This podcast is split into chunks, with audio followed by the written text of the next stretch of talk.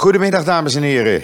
Daar ben ik weer, Joop Suzan uit Ierjamin in Israël met mijn uh, podcast. Ja, hij is niet meer dagelijks, dat weet u. Uh, drie keer in de week doe ik het nu. Ook al omdat er, uh, ja, er is niet echt heel veel nieuws te melden elke dag. En ik wil toch zo'n klein half uurtje podcast vullen. Maar ja, het is winter. Het is winter.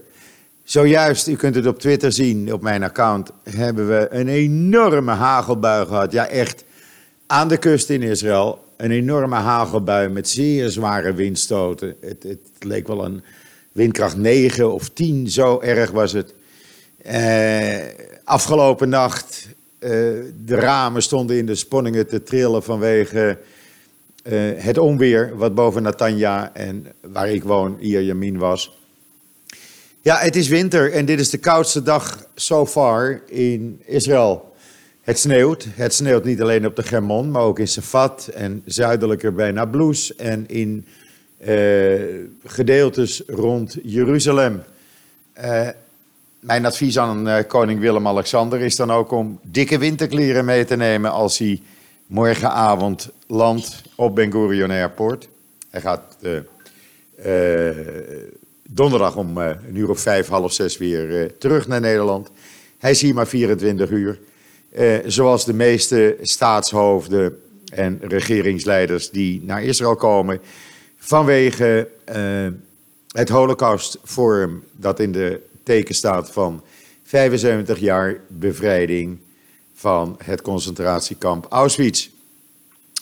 En ja, ik ik ben daarbij, althans. Ik ben bij het bezoek namens Joods.nl van de koning aan het Joods-Nederlands bejaardentehuis uh, Bet Juliana in Herzliya. En we zullen op uh, Joods.nl regelmatig livestreams doen, zowel van de aankomst van koning Willem-Alexander morgenmiddag om 5 uur Israëlische tijd, dat is 4 uur bij u, als ook van de andere activiteiten die plaatsvinden, zoals het diner eh, bij de president morgenavond met alle staatshoofden en de bijeenkomsten eh, van het Holocaust Forum op donderdagmiddag. Dat kunt u allemaal live via de livestream volgen op joods.nl. En ik zal zelf dus een verslag gaan maken middels een podcast van het bezoek van de koning aan Bet Juliana in Herzliya. Ik zal er ook video's en foto's van maken om u mee te laten genieten. En ik zal na afloop van het bezoek van de koning met een aantal oud-Nederlanders een uh, klein interviewtje doen.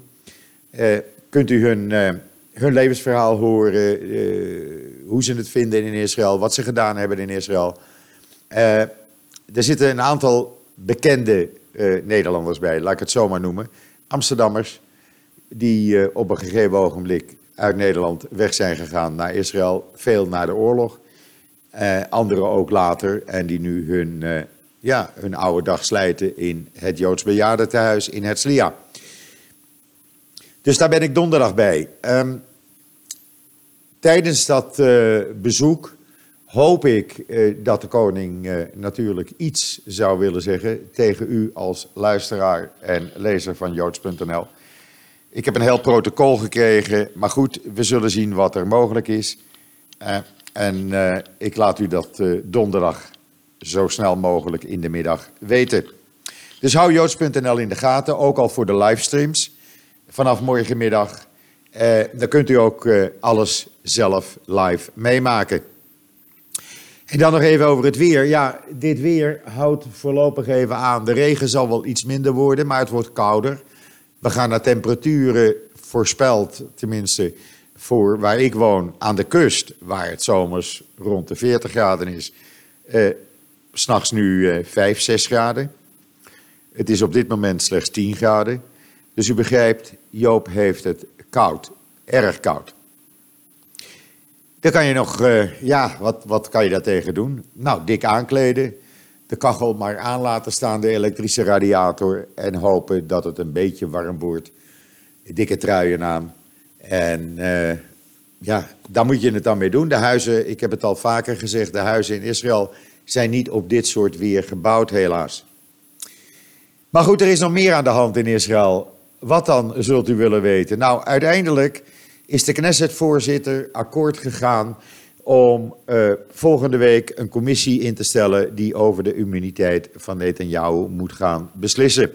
U weet, Netanyahu heeft een verzoek gedaan aan de Knesset. Likud wil dat dit uh, verzoek pas wordt behandeld bij, uh, na de inhuldiging van de nieuwe Knesset, na de verkiezingen van 2 maart. De juridische adviseur van de Knesset heeft op verzoek van Blauw en Wit en andere partijen gezegd, na onderzoek, dat er geen enkele reden is om niet nu die commissie in te stellen. Dus die commissie mag worden ingesteld. Dat zal dan deze week niet gebeuren vanwege dat Holocaustforum. Maar volgende week zeer zeker. Nou, hoe gaat de commissie beslissen? Dat is ook al bekend. Die is in meerderheid 65, 66 uh, Knesset uh, stemmen voor uh, of tegen het afwijzen van uh, voor het afwijzen van het immuniteitsverzoek. Met andere woorden, de Knesset wil premier Netanyahu geen immuniteit verlenen voor de drie strafzaken waarin hij vervolgd kan worden. Dat betekent dat als dit officieel is, dat dan ook de aanklachten officieel worden ingediend bij de rechtbank en er dan een datum voor de rechtszaken wordt uh, vastgesteld. We zullen zien hoe zich dit gaat ontwikkelen. Ondertussen is de IDF begonnen gisteren met het installeren van detectoren, sensoren aan de grens met Libanon tegen de Hezbollah-tunnels. Men wil voorkomen dat de tunnels die Hezbollah aan de Libanese kant heeft gegraven, daar zijn er een aantal van bekend, dat die uiteindelijk uh, uitkomen in Israël. Dus er worden gewoon detectoren op een aantal plekken uh, in de grond gezet Zoals men dat ook langs de grens met Gaza heeft gedaan. En waardoor de tunnels ja, op dit moment niet meer uh, gemaakt worden richting Israël. En dan ook wel leuk, Israël, het land van de zon. Daar is een jonge skier, 17 jaar. Die heeft zilver en brons gewonnen op de Jeugd Olympische Winterspelen in Lausanne. Nou, ik vind dat toch wel wat. Ik vind dat wel leuk. U kunt het zien, uh, inclusief de video van haar, op joods.nl natuurlijk. En dat dan iemand uit Israël toch brons en zilver wint uh, met skiën. Ja, nogmaals, een land met 300 dagen zonneschijn. Dat is toch wel apart. En de Iron Dome, die heeft ook een belangrijke upgrade gekregen. Zo belangrijk dat er nu wordt gezegd dat de succesrate ongeveer 100% zal zijn althans daar dichtbij komt. Dat betekent dat uh, elke uh, raket die uh, richting Israël wordt afgeschoten en een gevaar vormt voor bewoonde gebieden, met een 100% kans nu uit de lucht wordt geschoten. dat is een belangrijke upgrade, want tot nu toe was het onderscheppingspercentage veel lager, dat stond op 85%. En zo'n raketje, ja, dat is toch 50.000 dollar elke keer. En dan een verontrustende bericht eigenlijk in de media in Israël. Het blijkt dat 33 procent, dus zeg maar een derde van alle Israëlische jongeren, de mannelijke jongeren, niet in dienst gaat. Eh, terwijl 15 procent van hun eh, de dienstplicht vroegtijdig afbreekt. Ze komen met papieren aan bij eh, na hun oproep om eh, te komen voor eh, keuring, waaruit zou moeten blijken dat ze uh, psychisch ja, een mentaal probleem hebben. Ja, wat doet de IDF dan? Die gaat dat onderzoeken. Maar ja, die weet ook niet of die papieren nou wel of niet echt zijn. er wordt een hele handel van gemaakt. Bij de vrouwen is het zelfs nog erger. 44, ruim 44 procent van de vrouwen wordt vrijgesteld van dienstplicht. Nou, dat vind ik, ja, het gaat toch om de toekomst van het leger. En dit is erg veel. In uh, ook het aantal aanmeldingen bijvoorbeeld voor gevechtseenheden. Iedereen wilde altijd graag bij een gevechtseenheid. En dat lag altijd, uh, nou een aantal jaren geleden nog op 81 procent. En dat ligt nu nog maar 65 procent. Waar wil men dan in? Nou, men wil in die high-tech branches van de IDF, die beroemde units waar veel mensen die daarin hebben gezeten later een start-up gaan beginnen En dat, uh, dat vinden we veel leuker, schijnbaar.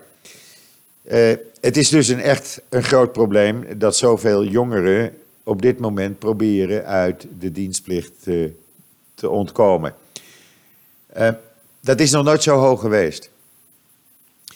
En dan nog eventjes de conferentie in Jeruzalem.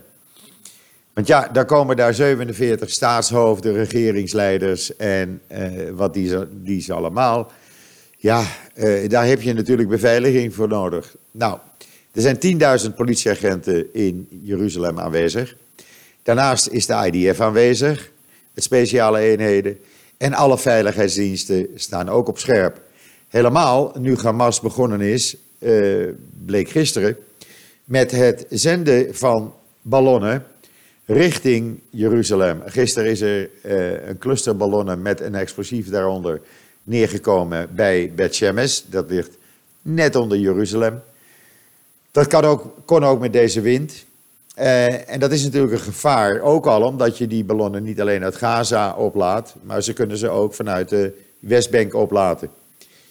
Uh, dus men is daar erg scherp op. En de Israëlische regering, of eigenlijk de IDF, heeft Hamas laten weten dat ondanks de aanwezigheid van zoveel uh, staatshoofden, men er niet voor terug zal deinzen om de boel plat te bombarderen, zodra er ook maar één ballon de grens overkomt. Want dit is echt een ongekende grote operatie voor de veiligheidsdiensten en de Israëlische politie. De komende twee dagen, die kan je eigenlijk alleen maar vergelijken met nou, laten we zeggen, de begrafenis van uh, Yitzhak Rabin en Simon Peres. Toen er ook een groot aantal uh, staatshoofden en regeringsleiders aanwezig waren. Uh, koning Willem-Alexander, ik zei het u al eerder, die komt dus morgenmiddag aan, maar die heeft een eigen programma. Die gaat natuurlijk naar het diner, woensdagavond. En dan gaat hij donderdagmorgen al heel vroeg, om een uur of acht, naar Yad Vashem. Waar hij een rondleiding krijgt door het Nederlands gedeelte van Yad Vashem waar dus aandacht wordt besteed aan de uh, Jodenvervolging in Nederland. En ook de helden, de verzetshelden, die zoveel Joden hebben gered in Nederland. Waaronder de familie Stengs en Poels, ja inderdaad, familie van Jacques Poels van Rowan Herzen, die uh, in uh, Yad Vashem worden geëerd als righteous under the people. Die hebben echt een uh, er is een memorial, er is een uh, foto van de familie Stengs en Poels. Uh, vanwege het onderlaten duiken van Joden en neergeschoten Engelse en Amerikaanse piloten op de Zwarte Plak. U kunt trouwens over de Zwarte Plak het boek lezen, De Zwarte Plak. En dat is echt, het is in Horst, Amerika, bij Venlo, gehucht. Maar daar hebben mijn ouders dus de oorlog overleefd met hun beide ouders en de zuster en haar man van mijn moeder. Uh, heel bijzonder. En ik hoop dat Willem-Alexander dan ook uh, de plaquettes van de familie Stengs en Poels te zien krijgt. En daarna gaat hij dus heel snel naar uh, Herzliya.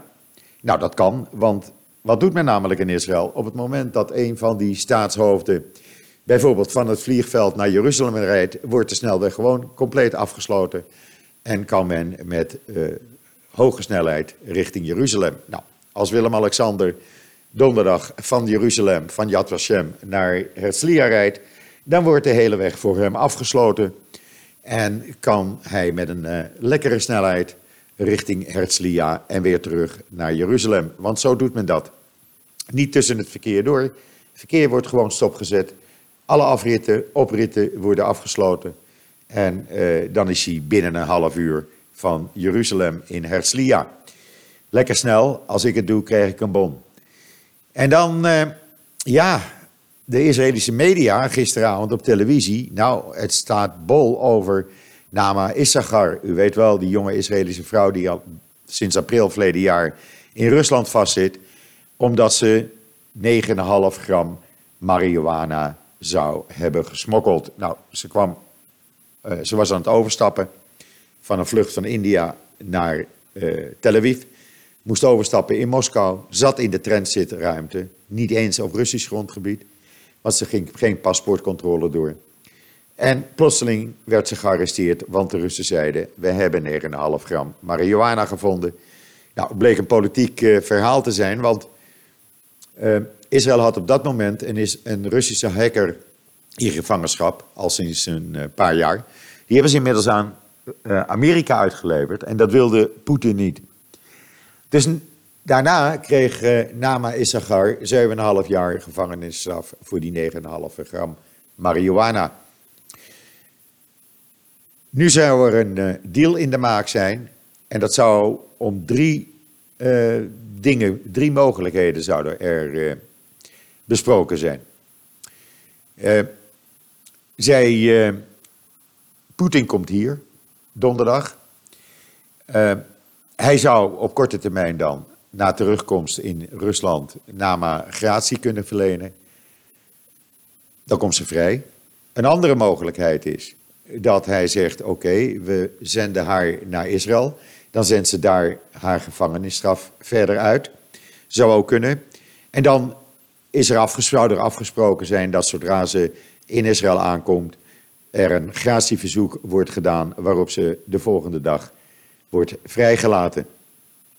Een laatste mogelijkheid die eh, ook mogelijk is, is dat Netanyahu eh, helpt aan Poetin een oplossing te vinden voor een uh, Sergius Courtyard. Dat is een Russisch complex in Jeruzalem, waar uh, pelgrims uit Rusland en andere Oostbloklanden overnachten, die de heilige stad bezoeken. En dan zou uh, Netanyahu helpen dat geschil op te lossen. En in ruil daarvoor zou Nama worden vrijgelaten. Nou, het is allemaal nog in het ongewisse. Er is wel aan de moeder van Nama Issachar, die uit Moskou terug is gekomen gisteravond, gevraagd voorlopig even stil te zijn. Geen acties te ondernemen. Demonstranten eh, voor Nama, die moeten zich ook rustig houden. Men voldoet daaraan. Er is een brief overhandigd van uh, Nama aan Netanyahu, die alleen bestemd is voor Netanyahu en zijn vrouw. Niemand kent de inhoud. Iedereen hoopt in Israël, en ik hoop dat ook echt van harte, want u weet, wij besteden er al tijdenlang uh, aandacht aan. Ik hoop dat Nama echt spoedig vrijkomt, want om politieke redenen vast te zitten, ja, nee, sorry, dan ben je een soort ruilmiddel. En dan een voorproefje vast van een groot interview wat Netanyahu gegeven heeft op eh, TBN, het grootste christelijke tv-netwerk ter wereld. Dat wordt vanavond wereldwijd uitgezonden. En wij hebben op joods.nl al de belangrijke fragmenten daarvan op video en ook uitgeschreven tekst staan. Zodat u daar alvast een voorproefje van kunt nemen. Uh, bent u geïnteresseerd? Ga maar even kijken op joods.nl. En uh, ja, de krant van de Palestijnse leiders, die, uh, dat is de krant Al-Hayat Al-Yadida die uh, heeft een artikel geschreven waarin ze zeggen: Weet je wat, als er nou één iemand wordt vermoord tijdens die Holocaustconferentie, dan hebben we hem toch hartstikke goed verstoord. Dan uh, gaat die conferentie niet door.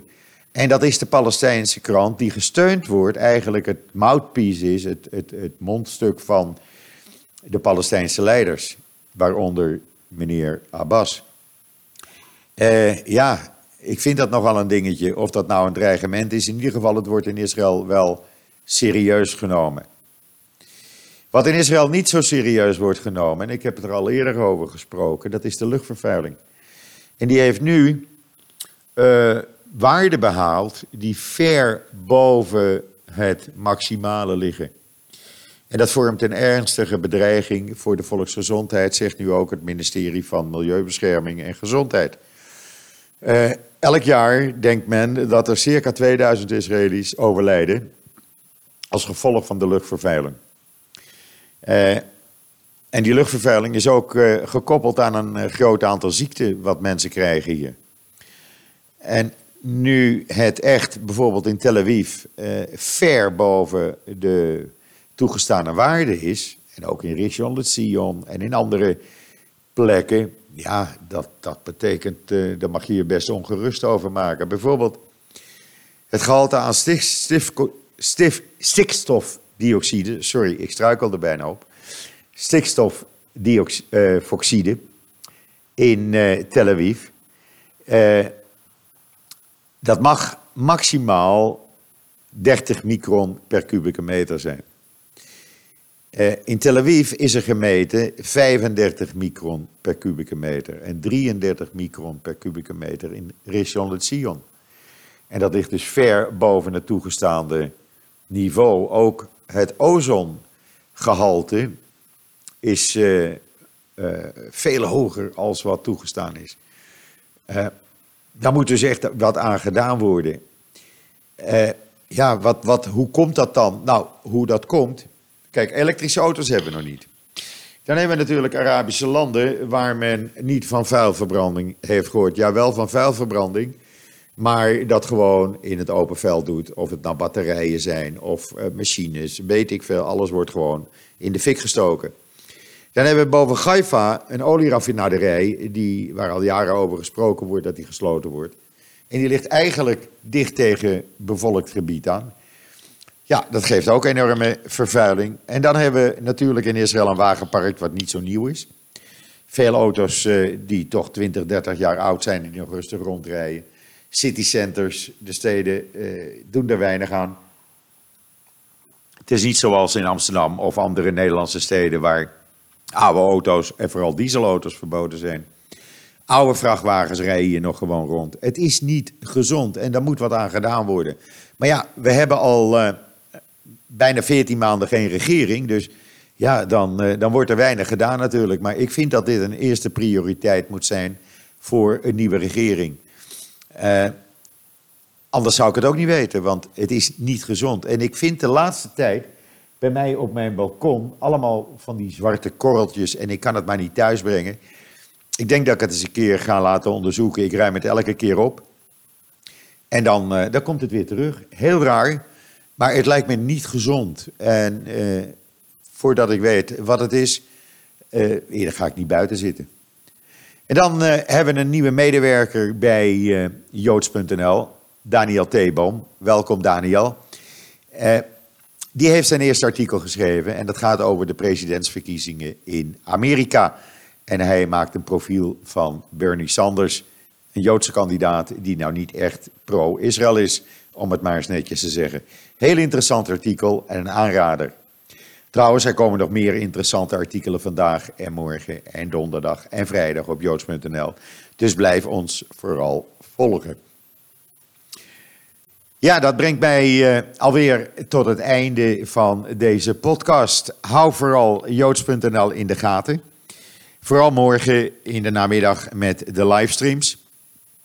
En dan donderdag vooral natuurlijk met de berichtgeving over het bezoek van koning Willem-Alexander aan het Nederlands-Joodse bejaardentehuis Bet Juliana, Huis van Juliana, vrij vertaald, in Herzliya, waar wij uh, verslag van gaan doen.